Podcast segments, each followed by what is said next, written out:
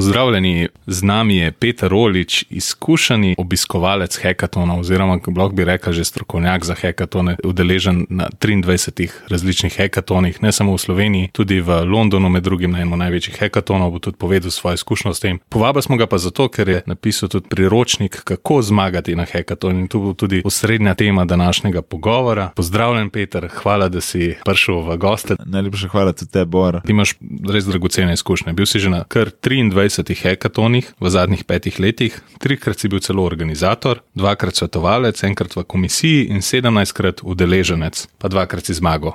Mislim, da ne bo pomote, seveda uh, je to lepo, uh, ne bi bilo pa tega brez ljudi, ki so organizirali. Uh, in preprosto, ki si mlad in uh, si sem še vedno mlad, da ne pomote. Ampak, ker ne veš, v katero smer bi šel, ti je hekaton lahko ena, ena lepa skočna deska, ampak ne, sme ti, ne smeš iti preveč s pričakovanji, ker na koncu si lahko razočaran in prazen, tako pa bi lahko še več odnesel ven iz samih hekatonov. Kaj pomeni sploh hekaton, beseda hekaton? Kaj za te predstavlja hekaton? Mislim, jaz mislim, da hekaton je ena taka zadeva v smislu raziskovanja, kjer uh, se vedno bolj uporablja v poslovnem svetu. Ta smisel raziskovanja pomeni, da priješ do nekih svežih idej, pogledov, uh, ki pa lahko vplivajo na uh, učinkovitost kadra, brendiranja, team buildingov uh, in tako naprej. In hkrati, seveda, ključna stvar.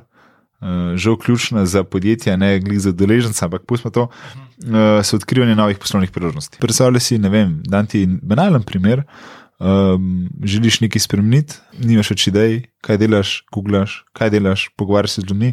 Kaj pa če bi se pogovarjal z ljudmi, ki recimo, imajo podobno poglede ali pa drugačne poglede, pa ti dodajo še dodatno pot ali pa nek, nek nov pogled v tvoje ideje.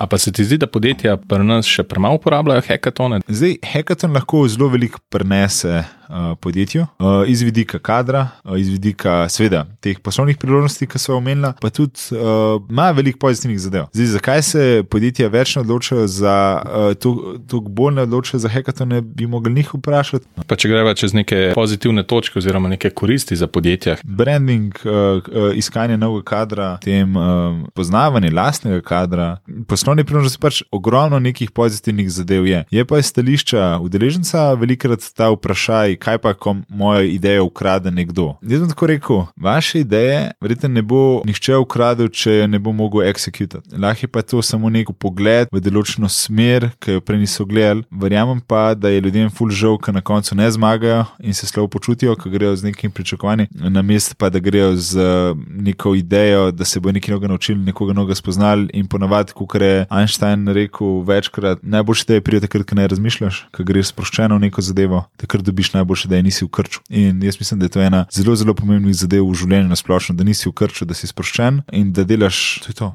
Kaj se ti zdi pa za udeležence, recimo, neke koristi, pozitivne točke? Insighti. Uh, insighti, ki jih drugače ne vidiš, uh, kot na reklami ali pa uh, na televiziji, internetu, kako koli. Pač spoznaš, da določen brand zastopajo določeni ljudje. In ti lahko marsikaj vprašaš te ljudi, ki drugače ne bi, in drugače spoznaš to podjetje, ki ga bi drugače. Kaj je tako super zadeva? Predstavljajte si, da vam je eno podjetje fulušeč in bi fulu radi delali za njih. Okolje še ful ljudi, ki si želi isto to, kar si vi želite, se prijavijo na razgovor in upajo na najboljš. Kaj pa če obstaja hekaton in so ti ljudje tam in z njimi jeste kosilo in se pogovarjate o določenih zadevah, in na koncu dneva, ko vidijo, da ste vredni zaupanja da ste dober karakter, da znate nekaj narediti, da se znate obrniti, vam še ponudijo mogoče ne vem, prakso, mogoče ne vem, ne bomo rekli prehiter zaposlitev, ampak priložnost, ki jo drugače ne bi dobili. In to ste dobili v, v enem vikendu praktično. Hkrati se mi zdi to zelo dobra vaja za javno nastopanje. Recimo, vedno moš nekaj pičati, prodajati, a sebe, svoje ideje, projekte. Seveda, je pa res, da je vse odvisno od vaje. Ker enkrat, ko boš gor na odru, se ti bo zdel malce drugačen. In večkrat, ko ponavljaš določeno zadevo, bolje znaš. In enkrat se spomnim, sem šel na eno audicijo za en film spoznal enega fanta, ki je zelo nadobuden eh, slovenski uh, igralec, mi je dal en fullober na svet. Uh, in sicer, če dobiš ti nek tekst, uh, ali je to za audicijo, ali se pripravljaš za nek pič, ti ga moraš tako dobro spilt, da ga veš v nulo in se potem začeti ukvarjati s podarki, z govorico telesa, z kontaktom v občinstvu in tako naprej. Kar se pa nam dogaja večinoma, je pa to, da hočemo nekaj povedati, pač to povemo in ljudje nas pa slišijo mogoče drugače. In z to vajo, z govorico telesa, z poudarki, s pauzami, z kontaktom, lahko pa to res pripeljemo do ali to gledalca, ali to bodočega šefa, ali to bodočega investitorja in tako naprej. Komu bi pa svetoval vse, da gre na hekaton? Tako bom rekel, na hekatonih sem že videl marsikaj. Videl sem od starejših ljudi, govorimo 40, 50, no, 60, mislim, da niso bili, ampak 40, 50 sem tudi videl, videl sem mlajše. Mislim, morate se vprašati, s kakšnim namenom greste na hekaton. Praktično lahko gre kdorkoli na hekaton, ampak če ste v nekem področju tako um, samozavestni, pa vas to ful zanima, imate ful več možnosti. No? Pač je pa res, da starejši, ki si, drugačni življenjski cikli so, drugačni problemi so in je to samo za določeno obdobje, ki ti je to, tako bomo rekli, ena izmed prebojev. Hekaton ti omogoča ta preboj, ki si ga želiš, kasneje pa lahko tudi preraseš hekaton. Verjetno hekaton tudi gradi to timsko delo, bi lahko rekel. V hekatonu ne moreš biti sam zvezda oziroma ne sloni ni na samo eni osebi, ampak v nas sodelovanju. Kako ti vidiš na to? To je, to je zelo dobro vprašanje. Uh, in sicer ekipa je ključnega pomena. In če te kaj naučil hekaton, je to, da si želiš v ekipi imeti so mišljenike, po drugi strani pa tudi ljudi, ki pač delajo, ki znajo poslušati, ki znajo dati feedback, ki, ki znajo narediti določeno zadevo, da ni samo uno, ah, dobu sem zdaj idejo, oh, in tako naprej. To je taka zna biti di distrakcija na hekatonu, da, da ne znamo pisati. Pač dam primer, imamo določen problem, nekdo se spomni rešitev in ne posluša nekdo drug, je slišal dve informacije in je takoj, imam idejo, eh, moram povedati, in itak on ga drugega ne posluša, pove svojo idejo, on ta tretji oh, jaz sem se tudi nekaj spomnil in pač imamo ta kaos. In manjkaj časa, pa večkrat tega kaosa, na koncu nastane bolj, mislim, še večji kaos in je še večje razočaranje. Mislim, ko karkoli razočaranje govorimo, ne tak rezultat, ki bi ga drugače lahko dosegli, če bi, bilo, če bi bila stvar organizirana tako, kot se zagre kako pomembno je poslušati tvoje timete, kaj ti govorijo, tvojo ekipo. In me zanima, kaj si bil v ekipah, ki so zgubile in v zmagovalnih. Ali si opazil tam še kakšne razlike med neko zmagovalno ekipo in ekipo, ja, ki je. Mislim, so, so določene zadeve, ki, um, ki prevladajo, ki um, so ključne. Vsekakor nek je sreča, itak da je neki sreča.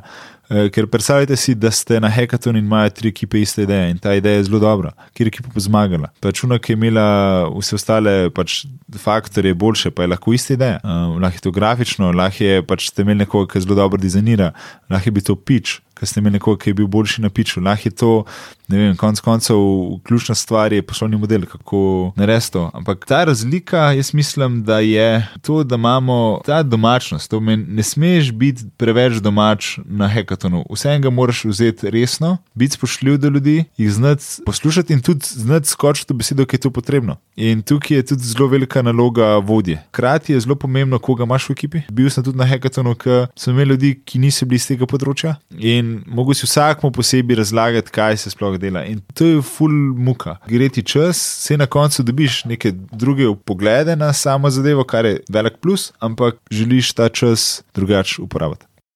Zdaj obdelala sva koristi za podjetja, potem kako je z ekipami, kaj to ni igra posameznikov. Če bi se stavljal ekipo, kakšne ljudi bi želel imeti okoli sebe? Je to zelo specifično na, na hekatu, bi izkodil? Zdaj, tako, zelo je zanimivo to. Imel sem parkrat izkušnjo, da sem imel v ekipi eh, človeka ali pa različne ljudi, ki so bili zelo dobri na piču. Uh, to meni govorimo na samem uh, javnem nastopu.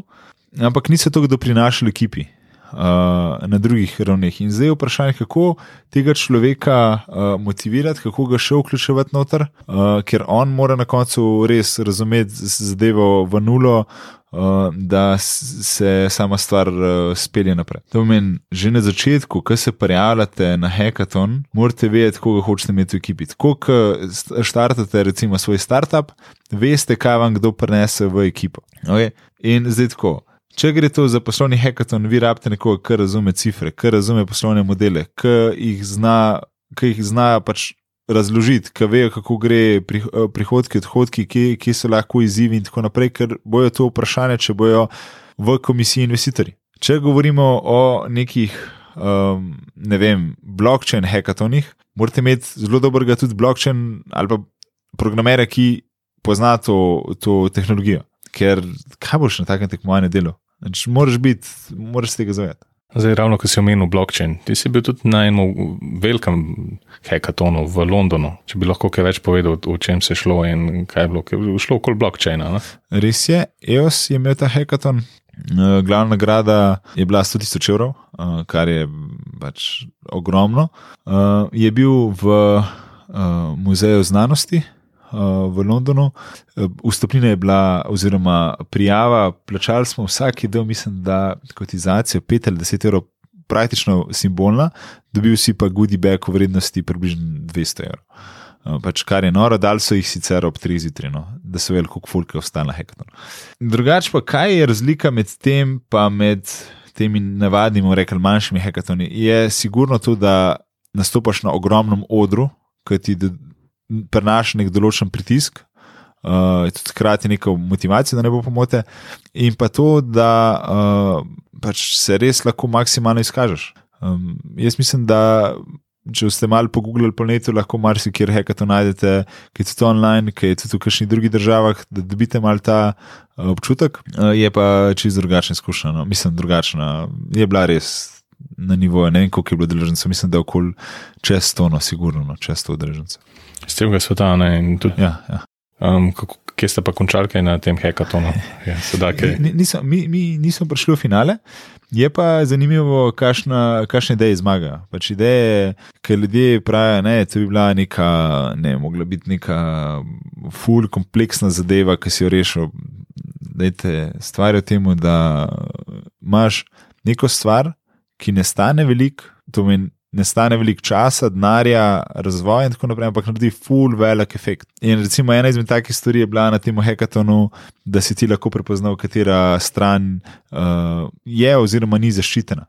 In to je bilo praktično tako malo kode, ampak ko si ti dal ta plugin noter, extension, ki si ga dal, uh, si to takoj videl. In pač najdel so top zadev. de, dejansko je bila tvoja, mislim, vaša ideja bolj kompleksna od tega. Ja, mi smo hoteli narediti uh, eno zadevo, ki bi blockchain dal nekako mainstream na zelo enostaven način. Ampak, uh, ko danes gledam nazaj, ne vem. Preveč kompleksna je bila, preveč časa bi bilo za to vložiti, kup enih dejavnikov, ampak so se marsikaj iz tega naučili. A bi kaj spremenil zdaj od, od tiste udeležbe po vsem tem znanju, ki ga imaš zdaj? Bi se drugače lotil tega tazga velikega hekatona? Sigurno, sigurno bi bila predpriprava obvezna. To pomeni, mi sicer nismo vedeli, kaj bo izziv, lahko smo pa sklepali, kaj bo izziv. In mi, kar smo sklepali v Ljubljani, en teden pred hekatonom je bilo to, da bo uh, verjeten uh, hekaton o varnosti. In mi smo to zadeli, da bo v varnosti. Ampak se nismo dovolj pripravili, imeli smo pač neko vizijo, uh, kaj bi bilo lahko, oziroma kako mi to rešili na prvo žogo. In bolj smo rekli, ah, verjetno tega ne bo. Pač naredili smo neko banalno napako, uh, neko, ampak zaupite v, v intuicijo, pač boste videli, prešle vam prav prijeno. Po koliko pa so ekipe na hekatonu, koliko ljudi se je lahko prijavilo, oziroma koliko vas je bilo? Zdaj, če govorimo o, o članstvu, uh, v ekipi je bilo tudi do šest. Jaz sem tako rekel, najboljše če se mene vpraša, tri je, do res max, max štiri ljudje. Uh, Zato, ker moraš ti vsakmu posebej razlagati ideje, in vsak ti bo dal nek feedback, ti bo hotel neki pač doprinesti, ampak ni vedno to pozitivno. Kar ni nič narobe, vse ljudje bi radi sodelovali, bili vidni, uslišni in tako naprej, ampak še enkrat ustavil in bo to po nesreč, pa ne hoti to vzel osebno, se bo ustavil in ne bo več razmišljal, ampak bi glih takrat me ena dobra zadeva zapovedati. Udeležil si se pa kar številnih hekatonov v Sloveniji, ne? bi lahko kakšnega izpostavil, omenil, na katerem vse si bil. Če bi izpostavil, všeč so mi bili ti um, Innovation All-Nighteri, Innovative All-Nighteri na ekonomski fakulteti, ti so bili kul, cool, ker sem v Floridu folk spoznal in potem kaj se zgodi, pač srečaš jih potem na hodnikih in postaneš in se sklejajo dobra prijateljstva. Um, ravno pregledujem tudi tvojo booklet, tvojo knjigo, kako bi rekel, kako zmagati na hekatonu. In si napisal deset pravil, pa bi lahko šla skozi ta pravila, da bi delila z našimi poslušalci. Pa sem za, uh, vsekakor se zato sem jih naredil, da, jih, da uh, po eni strani podjetji dobijo čim boljše rezultate, na drugi strani pa da udeleženci daje svoj maks in da se iz tega potem razvije kakšna dobra poslovna zadeva. Da ljudje začnejo živeti svoje sanje, in da je bila iskra, ki se je zgodila ravno hekaton. Ja, če gre po vrsti tako, uh, ekipa, to so že omenila, 3 do 4, da se točno ve, kaj kdo ima neko vlogo v, v ekipi. Zelo dobro je imeti dizajnerje v ekipi, zelo dobro je imeti noter ekonomista in zelo dobro je imeti tudi človeka, ki zelo dober govorc. To, to je pač neka, neka osnova. Je pa odvisno, ali rabaš programerja, rabaš ekonomista, je pa odvisno od tekmovanja. Je fulje dobro, da veš, kdo je vodja, že na začetku, da se ne dogaja to, da preprosto pride do, do tega, da se pač sprašuje, kdo je vodja. Pač vodja je ponovadi una oseba, ki je, bomo rekli, najbolj tiho.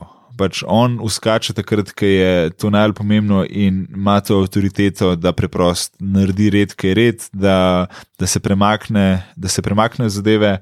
Uh, in da pač zelo dobro opazuje in posluša, uh, in da vidi, in da iz ljudi vam povleče maksimalno, kar lahko. Je pa po drugi strani vedno zgledno. Okay? Uh, druga zadeva je vsekakor razumevanje, poznavanje problematike. Uh, predstavljajte si, da ste vi v komisiji um, na samem hekatonu, kaj bi vas zanimalo? Pač vas bi zanimalo to, kaj je to dobro za vaše podjetje. In tukaj je zelo pomembno, da vi veste, veliko podjetij. Recimo, če ste kdaj šli na kakšen razgovor za službo, uh, si je fajn prebrati kakšno letno poročilo. Mene je to ful veliko rešval. Uh, sem kakšno stvar povedal, ki mi je bila zelo zanimiva in sem iz tega lahko v letnem poročilu tudi najdel kakšno zadevo, ki sem lahko vprašal. Uh, in uh, če nisem bil na unem razgovoru uspešen, recimo, sem vse zvedel eno informacijo, ki mi je bila uh, zanimiva, oziroma nek dodaten pogled. Ampak, če se vrnemo nazaj na hekaton, poglejmo si, kaj, mislim. Sun Tzu, nekaj tisoč let nazaj živel, uh, je, je imel en zelo lep citat. Uh, in sicer, jaz ga približno povedal, sam bistvo bo, uh, mislim, da bo prišlo do izraza in to je: um, poznaj sebe in poznaj svojega nasprotnika in boš vedno zmagal, poznaj teren in zmagal popolna. In tukaj je stvar čistista, kar pomeni, če gledamo na razgovore. Men, če se ti prepravaš, da veš, kaj so njihovi izzivi, da veš, približno, kako boš imel upravka, da veš na drugi strani, kaj lahko ponudiš, uh, lahko si povečaš zelo več uh, možnosti, da dobiš to. Pa ne glede na to, ali je to Google, Apple, kar koli ta. Seveda, moraš imeti še določene predispozicije, ampak ne se ustrašiti preprosto. Sanzu je znan po njegovem delu The Art of War. Vsekakor priporočam v branje umetnost vojne, uh, daljšo verzijo, ne samo citati, ker dosta ljudi prebere samo citate in si jih pač praktično delno zapomne, ampak zgodba same po sebi so pa zelo zanimive. Zdaj, full heca je, no, ker so že pri tej knjigi, bil sem, nisem da en teden nazaj v mladinski knjigi in so. Izdajali končno, mislim, vsi so mi rekli, da je bilo že nekaj časa nazaj, ampak daljšo verzijo umetnosti vojne, tudi v slovenščini. Tako da, če koga to zanima, se splača. No. Res, v Antisicajt ne mogli biti čez 150 strani, če se ne motim, full, full, fine knjiga, res zelo uredu, zelo priporočam. Uh, ne samo za biznis, ampak tudi za osebno. Pa se vrnemo na tretjo točko, kako zmagati uh, na hekatonu. Smo omenili, ok, imej dobro ekipo. Povedali smo, kakšna naj bo ta ekipa. Koliko je pomembno v bistvu poznavanje problematike, izziva podjetja, da jih res dobro naštudiramo. Uh, kaj je bila pol tretja točka? Tretja točka je uh, dokument oziroma material, ki ga daš. Zdaj, verjamete mi, da boste cari, če boste napisali dokument, lepo si delali seminarske naloge in jih nekateri znate narediti full hitter, in da naredite to, in da jim še to pošljete na mail, ali pa date komisiji nek, nek vzorc tega, da ste, pre, da ste res raziskali njihovo problematiko. Še se zdaj funumno, ampak predstavljajte si, veste, da je hekaton od petrola, poiščete petrol, katere težave imajo, katere izzive imajo, kaj si želijo, kaj so njihove dobre zadeve, ki so jih naredili. To vam je že takoj kupenih strani, ki vi ste v očeh komisije naenkrat veliko bolj kredibilni. Kaj pa ne vse obuje v bistvu tak dokument? Tudi absolutno ena izmed zadev je opis ekipe. Da vejo, pač, kdo ste vi, čim se ukvarjate, da vejo, iz kje izvirajo te ideje. Da, vem, tudi opredelitev same panoge je zelo zanimiv. Prepravite se tako, pač poznajte svojega nasprotnika. No.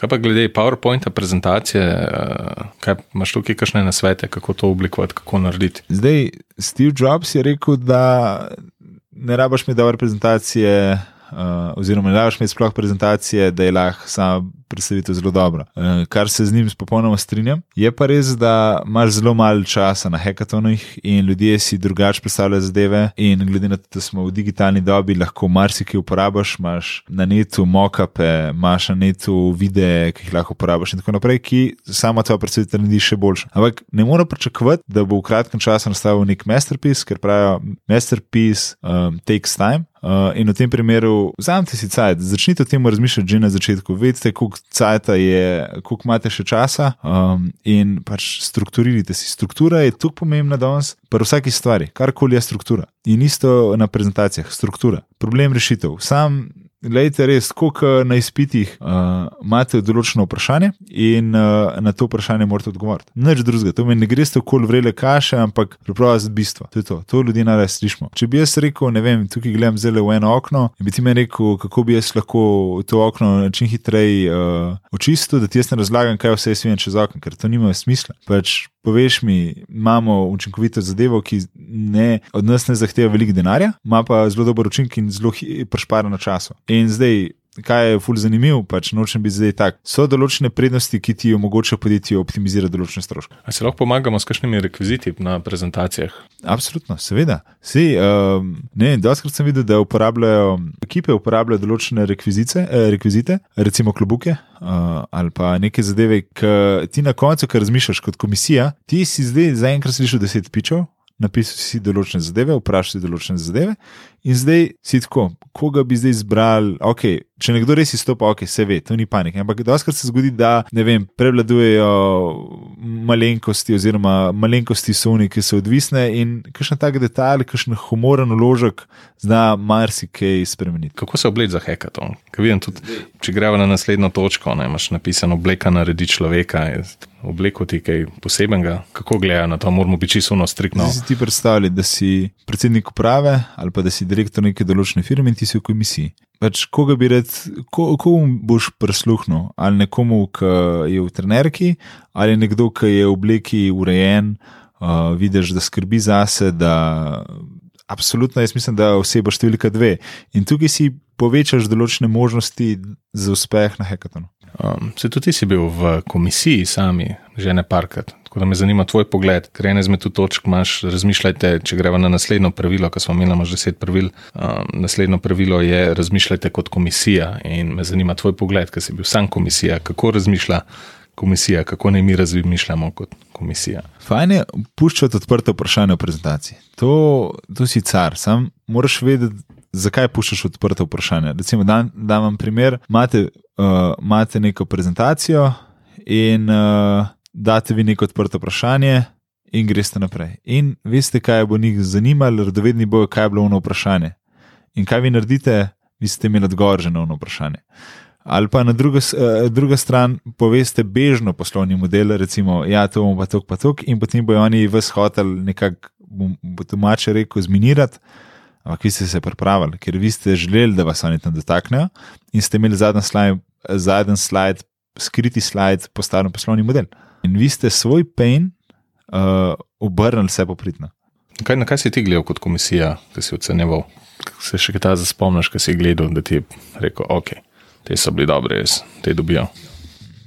Vsekakor, one prve sekunde so zelo pomembne, da ne pomote na začetku, kako narediš vtis, kako štartaš samo zgodbo, strukturo prezentacije, kako, kako razločno govoriš in tako naprej, kaj govoriš, da veš, kaj govoriš.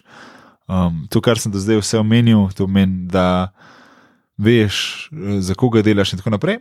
Je pa ena, ena zadeva, ki sem jo pri sebi opazil in tudi opazil sem jo, ker sem bil v komisiji. Komisija da doskrat vprašanje, kar je po eni strani ful v redu, ker ti s tem da vedeti, da, da si jim nekako, da so ti pokazali nek določen interes. In doskrat se zgodi, da, da zgubimo tukaj neke točke, ki si jih nabiramo, zato ker vzamemo ta vprašanja zelo osebno, užaljeno in potem zdrdramo neki, uh, zmečemo skupaj in uh, upamo, da smo odgovorili na to vprašanje zelo redno. Kar nam se to je tukaj? Uporabite moč moka, uh, to pomeni, preprosto nekaj vprašajo. Mal tišine, razmislite, povejte jasno, vprašajte še kaj. Če ste taki cari, da si res upate, obrnite to na humoren način. Če znate to obrniti, verjamete mi, uh, da, da se bo nekdo na drugi strani več zapomnil. Pa nočem tukaj, da izpade to kot nastopaško, ampak narediš ta connection, ker je zelo pomemben. Ker jaz, ker sem bil v komisiji in sem videl to, da, da seveda je ljudi gor na odru strah, gledajo jih, imajo svoje pričakovanja. Sveda je ljudi strah, kaj nas bo vprašali, ali boš ti odgovoril, ali bom jaz odgovoril, kdo bo, kdo bo povedal odgovor, ali bo to pravilen odgovor, kaj če bomo zeznali, kaj, bo on, kaj si bo on mislil meni. V tistem momentu zadihite, um, vprašajte neko pod vprašanje. Um, če ne veste, rečete tudi, da ne veste, da ste šli to raziskovati, ker pa povejte, zakaj ste šli to raziskovati. Um, in tako naprej. Uh, humor je pa vedno bolj zanimiv, ampak ga morate pač preprosto. Humor je ena taka specifika, ampak je kul cool zadevano. Zdaj, v menu si tudi komisija zna zbombardirati, oziroma išče neke stvari. Ne? Lahko menu, kaj so kakšne take.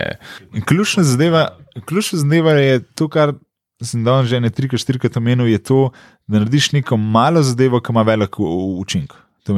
Ne bomo zdaj rekli, ne vem, primer vam dam, uh, recimo Lidl, uh, da bi zdaj mogel zgraditi ne vem, kakšne vesoljske ladje v trgovini. Ne bo šlo, lahko se sliši zelo dobro, uh, ampak je prevelik uložek, prevelik uh, riziko, tveganje, kako koli. Zato je fajn vzeti neko manjšo zadevo, ki jo lahko jutri implementiramo in naredi ful velik vpliv. Seveda si lahko ful pomagati z internetom, kar ni nič narobe, sam povejte, mislim, pravite razumeti to, kar govorite, ker ker vas ljudje zaznajo, da je neki copy-paste. Oje, pa da se zdaj še vrnemo na zadnje štiri točke, kako zmagati na, na hekatonu. Šesta točka je v bistvu poslovni model. Oblikovanje nekega poslovnega modela, ki funkcionira, ki pije vodo. Absolutno, vse imamo ta business model, canvas, SWOT analiza, uh, vse take neke zadeve. Vam lahko ful prav pridejo no? in jih lahko uporabite, se ni, ni neke. Morate se v stvar poglobiti, da veste, kaj govorite, kaj delate. Sej, na koncu, smo, kar smo se na začetku pogovarjali, v poslovnem svetu uspeh je že denar. In uspešen hackathon je za nekoga, za podjetje, večinoma denar na koncu. Je to nov kader, je to nova poslovna ideja, nov, karkoli ta, ki jim lahko več doprinese in največkrat je to denar. Pa bi poslušalcem svetovne, si recimo pogledal business model Canvas, ki smo omenili. Je super, je. so ti online, um, ki jih lahko zelo hitro uporabite, oblikujete. Tudi za uno hitro razumevanje imate ogromno nekih videov na YouTubu, tudi ta dela vidko je ena zanimiva zadeva, uh, ki je povezavi z business model Canvasom. Tudi na drugačen način. Okay, pa se dotaknemo še sedme točke, to je prehranjevanje, ker mi je zelo zanimivo, da si izpostavil tudi prehranjevanje. V... Zdaj, uh, vemo, kako slabo vpliva gluten na nas. Zdaj, recimo, zakaj je to tako zanimivo? Si 50 let nazaj bil tudi gluten, ampak ni bil tako odporen, kot je danes. In na drugi strani vemo, kaj delajo glikohidrati z našimi možgani. Več kako to vpliva na dopamin. Ste imeli kdaj meglo, da ste razmišljali, ne morem se spomniti, nekaj sem hotel. Spomnite, kaj, spomnite se, kaj ste jedli. Takoj boste vedeli, da je bil to ali cukor, ali moka, ali neka taka zadeva, ki vam je podrla neko ravnovesje v telesu. Bom rekel, ravnovesje kot nek normalen balans, ki ste ga prejmeli, da ste imeli jasne misli, da ste lahko hitro priklicali določeno zadevo. In absolutno je doskrat na hekatonih tako, da je hrane v izobilju uh, in da se mi ful radi najemo in ful radi obležimo. Na drugi strani imamo pa tako, ker vemo, da tisti, ki bojo to naredili, imajo, bomo rekli, manj možnosti uh, za boljše misli. Smo mi pripravljeni jemo manjkrat, oziroma jemo neke stvari, ki nam so nam ok. Recimo, kršna pica je ena zelo slaba zadeva na hekatonih. Vsi se obožujem pico, da ne bo pomote. Ampak pica ti ne bo koristila, ureščki ti bojo koristili. Prvi te enkrat za hec. Ne boste imeli motivacije, pojete malo ureščkov doma, počakajte nekaj cajta in fulaž vam bo delati. Sam če ste pozorni na to, če pa je filter, tako kot je pri avtu, doskrat ful umazan, tudi najboljša mašina vam naj bo pomagala. Poanta hekatona je doskrat ta, da manj je več. Kaj hočem s tem povedati? Da mi si zdamo tako ful, velik predpriprava. To je lahko preprosto, sproščeno raziskovanje pred samim tekmovanjem v tem podjetju. To meni vinjate nobenega prešarja. Prijete na, na tekmovanje, vidite, da so tudi drugi prišli, ponavadi po isto zadevo, ok, družini in tako naprej, ampak tudi želijo si oni prijeti z nečem domov in tako naprej.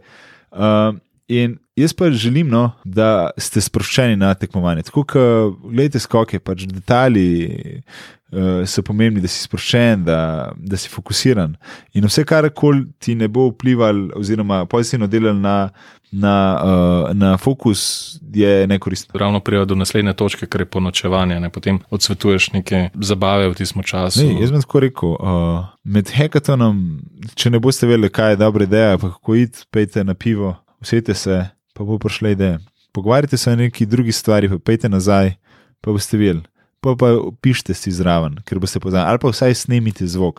Ker doskrat se je zgodil, prišla je vrhunska ideja in se nisem mogel, nisem mogel več tako dobro priklicati, kot so se prej spomnili. Tako da, posnamite si to, imamo danes toliko enih opcij, orodij, da jih uporabite zdaj smo prišli še do zadnje točke, ker je pa pič. V tem so kar dolže se pogovorili tekom podcasta, ampak bi še kaj umenila, kar se tiče piča. Mislim, jaz bi, jaz bi predlagal, da je en govorc. Edino, če bi bil kontrast tako na način, da zgubite pozornost, pride drug pa vas rešuje. Okay? To je recimo ne dobro zdaj, ampak če nekdo dobro piča, potem ni to nek velik problem. Imate ogromno nekih videov, imate tudi ta del Carnegie za, za public speaking, zelo dober avtor.